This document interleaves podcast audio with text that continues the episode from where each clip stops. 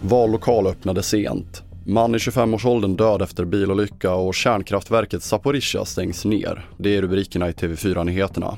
Men vi börjar med att en vallokal i Göteborg inte kunde öppna åtta som planerat utan kunde öppna först vid nio-tiden. Orsaken till förseningen var att man inte kunde komma åt inlåst valmaterial och Göteborgs stad ser mycket allvarligt på händelsen.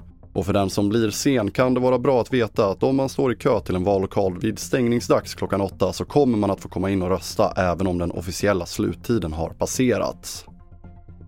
Och en man i 25-årsåldern har avlidit efter en singelolycka söder om Skövde under natten, det skriver polisen på sin hemsida. Ytterligare tre personer är förda till sjukhus och är enligt polisen allvarligt skadade. Och inför valets slutspurt kan taktikrösterna bli avgörande för valutgången då flera partier är nära 4% spärren. Miljöpartiet är det parti som flest kan tänka sig att stödrösta på, det visar en undersökning som TV4 Nyheterna låtit göra. Vi hör statsvetaren Annika Fredén. Jag tror att den här eh, tydliga uppdelningen mellan höger och vänster gör att det blir väldigt tydligt för väljarna att Miljöpartiet är en del av vänstersidan och det har jag också kunnat se i forskningen att man gärna vill rösta åt en riktning när man taktikröstar. Och mer om valet hittar du på tv4.se.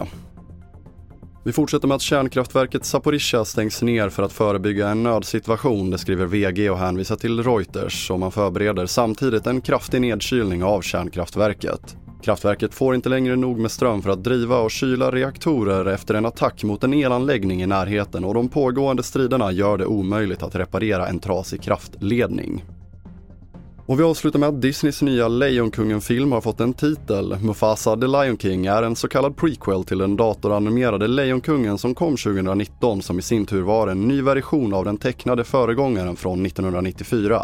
Mufasa handlar om Lejonkungen Mufasas unga år och Aaron Pierre gör Mufasas röst och Calvin Harrison gör rösten till skurklejonet Scar. Det sätter punkt för TV4 Nyheterna. Fler nyheter hittar du som vanligt på tv4.se. Jag heter André Meternan Persson.